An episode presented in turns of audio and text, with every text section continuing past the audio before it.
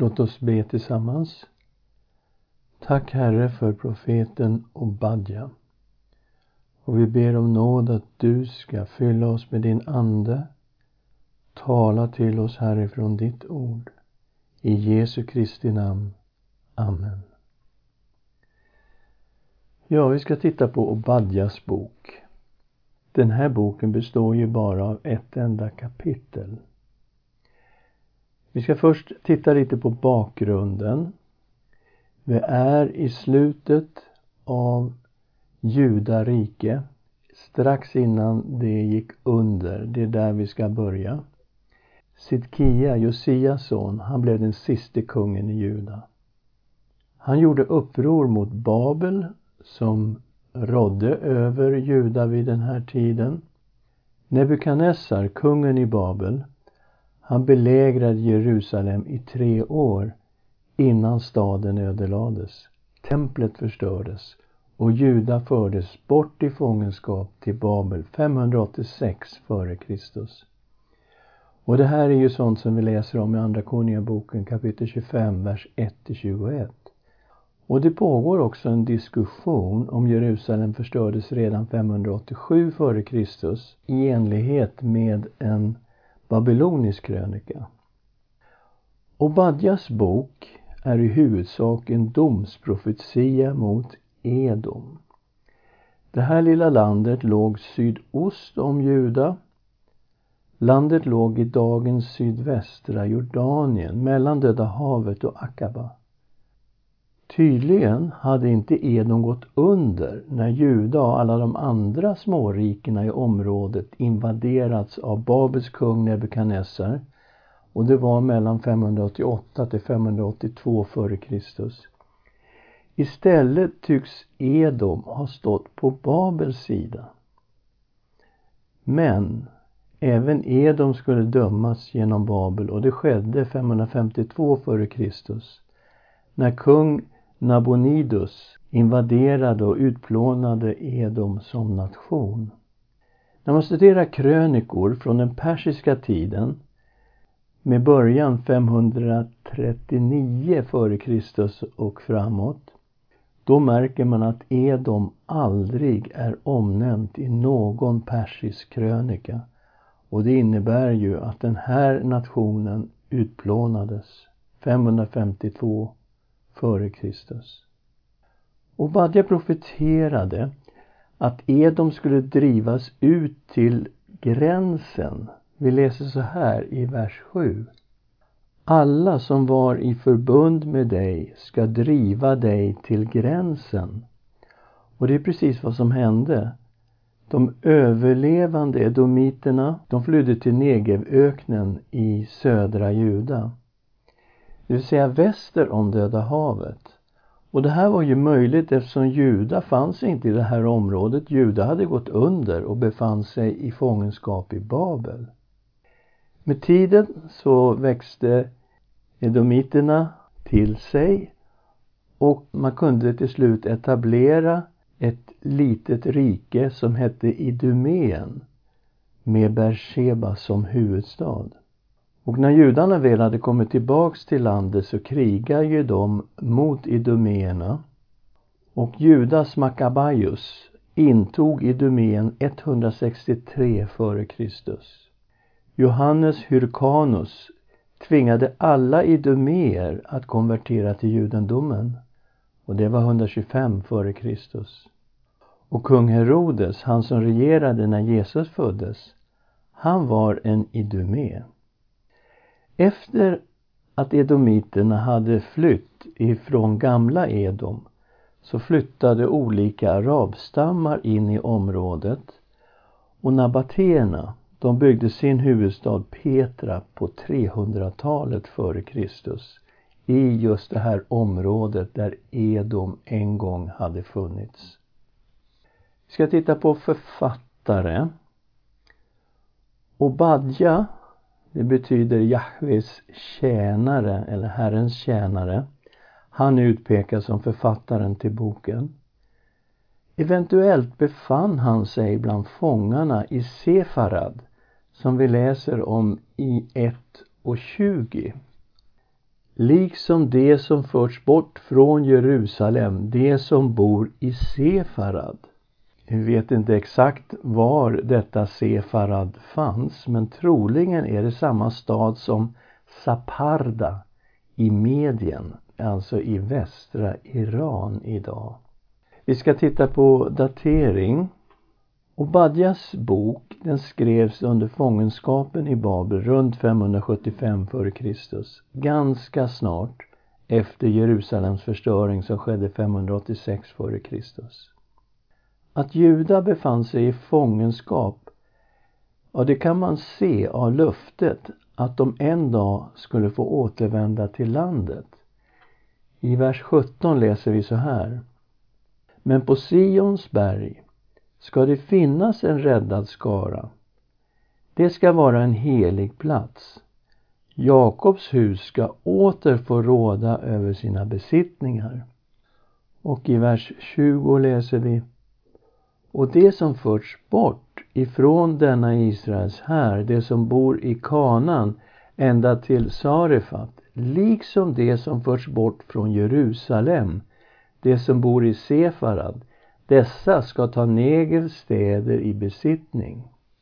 Så helt klart utlovas att de ska få komma tillbaka och inta landet.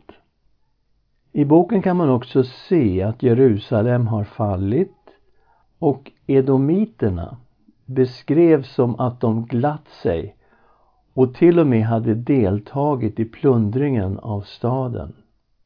De tycks ha dödat och utlämnat flyktingar från Jerusalem vid ett visst vägskäl. Vi läser vers 10 till 14.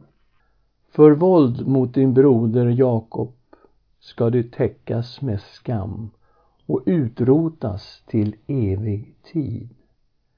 Den dag du stod på avstånd, den dag då främlingar förde bort hans rikedom och utlänningar drog in genom hans portar och kastade lott om Jerusalem. Då var du också som en av dem.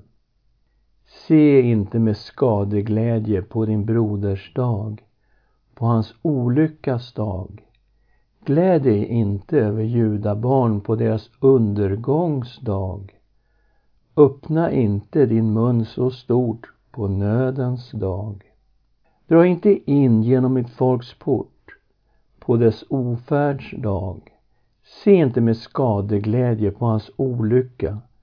Du också på hans ofärds dag.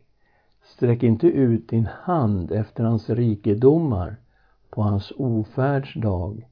Stå inte vid vägskälet för att hugga ner hans flyktingar och utlämna inte hans överlevande på nödens dag. Där står i och för sig att de inte ska göra det här men man får ett intryck av att de faktiskt har deltagit både i plundringen och i dödandet av flyktingar. Och att Edom faktiskt deltog när Jerusalem gick under, det kan man se från en psalm som kommer från just fångenskapsperioden i Babel. Vi läser i psalm 137, vers 7. Herre, tänk på Jerusalems dag, då Edoms barn ropade Riv, riv ner ända till grunden. Det tycks så som att de stod där och hejade på när Jerusalem förstördes. En speciell detalj är att delar av Obadjas bok är starkt påverkade av Jeremia kapitel 49, vers 7 22. När man jämför det avsnittet med Obadja, vers 9 och 10 och vers 14 till 16 då ser man ju att Obadja är påverkad av Jeremia. Vi har daterat Jeremias profetia om Edom ungefär 25 år före Obadjas. Vad är det för tema då i den här boken? Ja, temat är det här. Edom skulle utrotas, men Israel skulle återupprättas. Det är temat. Att Edom skulle dömas och utrotas, det framgår av Obadjas bok.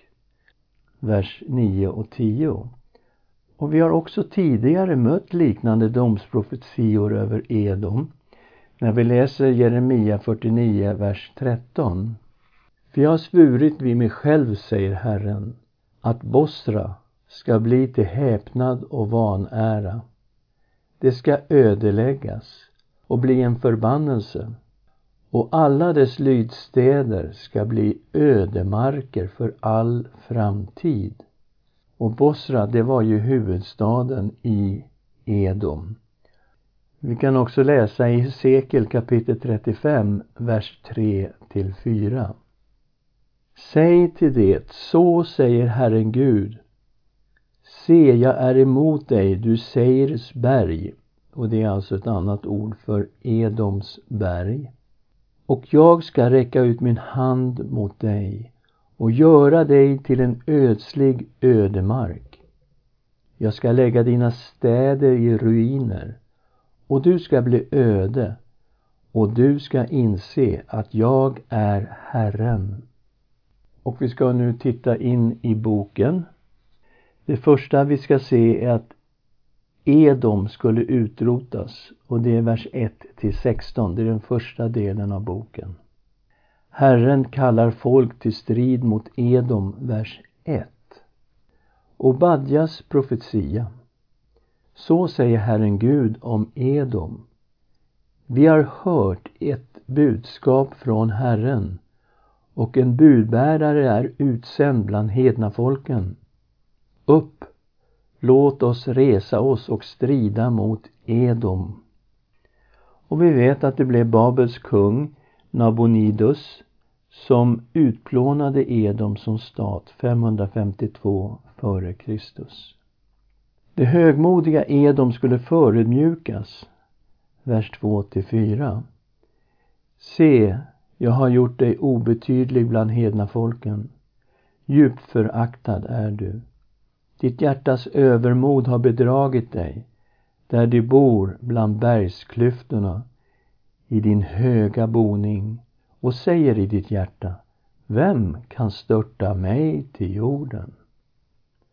Om den svävade högt som örnen och byggde ditt bo mitt bland stjärnorna så skulle jag ändå störta ner dig därifrån, säger Herren. Edom skulle plundras och drivas iväg. Vers 5 7. Alla skatter som Edom hade samlat skulle plundras. Deras tidigare allierade skulle driva dem över gränsen. Och det blev Babel som dräpte och drev de överlevande in i Negevöken, i det vakanta området som tidigare hade varit södra Juda. Vi läser vers 6 och 7. Hur genomsökt ska inte Esau bli? Hans dolda skatter ska letas fram. Alla som var i förbund med dig ska driva dig till gränsen. De som levde i fred med dig ska bedra dig och bli dig övermäktiga. De som äter ditt bröd ska lägga en snara under dig. Det finns inget förstånd hos dem. Så vi anar här att Edom hade tidigare varit i förbund med Babel men det blev Babel som ödelade Edom. Och Edom skulle utrotas, precis som vi såg hos profeterna Jeremia och Esekiel så skulle Edom utrotas. Och vi läser vers 8 till 10. Ska jag inte på den dagen, säger Herren, förgöra de visa i Edom och allt förstånd på Esaus berg? Dina hjältar, Teman, ska slås av förfäran. Och var man på Esaus berg ska bli utrotad och dräpt. För våld mot din broder Jakob ska du täckas med skam och utrotas till evig tid. Och som vi har sagt så skedde det här verkligen 552 f.Kr. genom Babel Edom är inte omnämnt i någon krönika under den persiska tiden från 539 och senare. Våld och skadeglädje mot Jerusalem var en anledning till domen och vi läste de här verserna tidigare, vers 10 till 14. Edom tycktes med stor skadeglädje ha deltagit i plundringen av Jerusalem. Edom verkade också ha dödat hjälplösa flyktingar från Jerusalem och utlämnat andra till Babel. Och vi läser om Herrens dag mot Edom, vers 15 och 16. Och det här uttrycket, Herrens dag, hos profeterna står det genomgående för en domedag. Och så var det också för Edom. Vi kommer till andra delen av boken som vi har kallat för Israel skulle återupprättas, vers 17 till 21. Första punkten här, Jakob skulle en dag få råda över sina områden. Tydligen skulle inte bara Jerusalem få återvända, utan landet skulle åter tillhöra Jakob, det vill säga Israel. Vi läser vers 17. Men på Sions berg ska det finnas en räddad skara. Det ska vara en helig plats och Jakobs hus ska åter få råda över sina besittningar. Så, Israel ska en dag få råda över sina områden. Och vi får läsa att Jakobs hus skulle bli en eld och Esaus hus skulle bli ett strå. Vers 18 till 19. Och det fanns ett styrkeförhållande mellan Jakobs och Esaus folk. Jakobs folk, det var ju Israel och Esaus folk, det var Edom. Och det här styrkeförhållandet skulle en dag återupprättas så att Israel skulle bli starkare än Edom. Och tanken går ju tillbaka till när Esau och Jakobs mamma, som hette Rebecka, när hon frågade Herren under sin graviditet och fick veta Två folk finns i ditt moderliv. Två folkstammar ska gå skilda vägar ur ditt sköte. Det ena folket ska bli starkare än det andra och den äldre ska tjäna den yngre. Första Mosebok 25, vers 23. Och Esau var den äldre och Jakob var den yngre och de var ju tvillingar de här två. Men det här innebär ju att Israel skulle åter bli starkare än Edom. Och så läser vi att Israel skulle inta landet. Vi läser vers 19 till 21. Då ska de som bor i Negev ta Esaus berg i besittning. De som bor i låglandet ska ta Filistenas land. Man ska ta Efraims land och Samarias mark i besittning och Benjamin ska ta Gilead. Och det som förts bort av denna Israels här, de som bor i Kanan ända till Sarefat, liksom de som förts bort från Jerusalem, de som bor i Sefarad, dessa ska ta Negers städer i besittning. Frälsare ska dra upp på Sions berg för att döma Esaus berg och riket ska tillhöra Herren. Det här att en frälsare ska dra upp på Sions berg. En del handskrifter har också de frälsta ska dra upp på Sions berg för att döma Esaus berg. Och det är intressant att den process som har pågått sedan 1948 liknar ju utvecklingen vi ser i dessa verser. Ska vi be tillsammans? Tack Herre för ditt ord. Vi ser att ditt ord står fast. Vi vet att Edom en dag dömdes och utplånades som stat vi ser också att judarna fick komma tillbaka till sitt land, precis som du hade lovat. Tack Herre för ditt ord. I Jesu Kristi namn. Amen.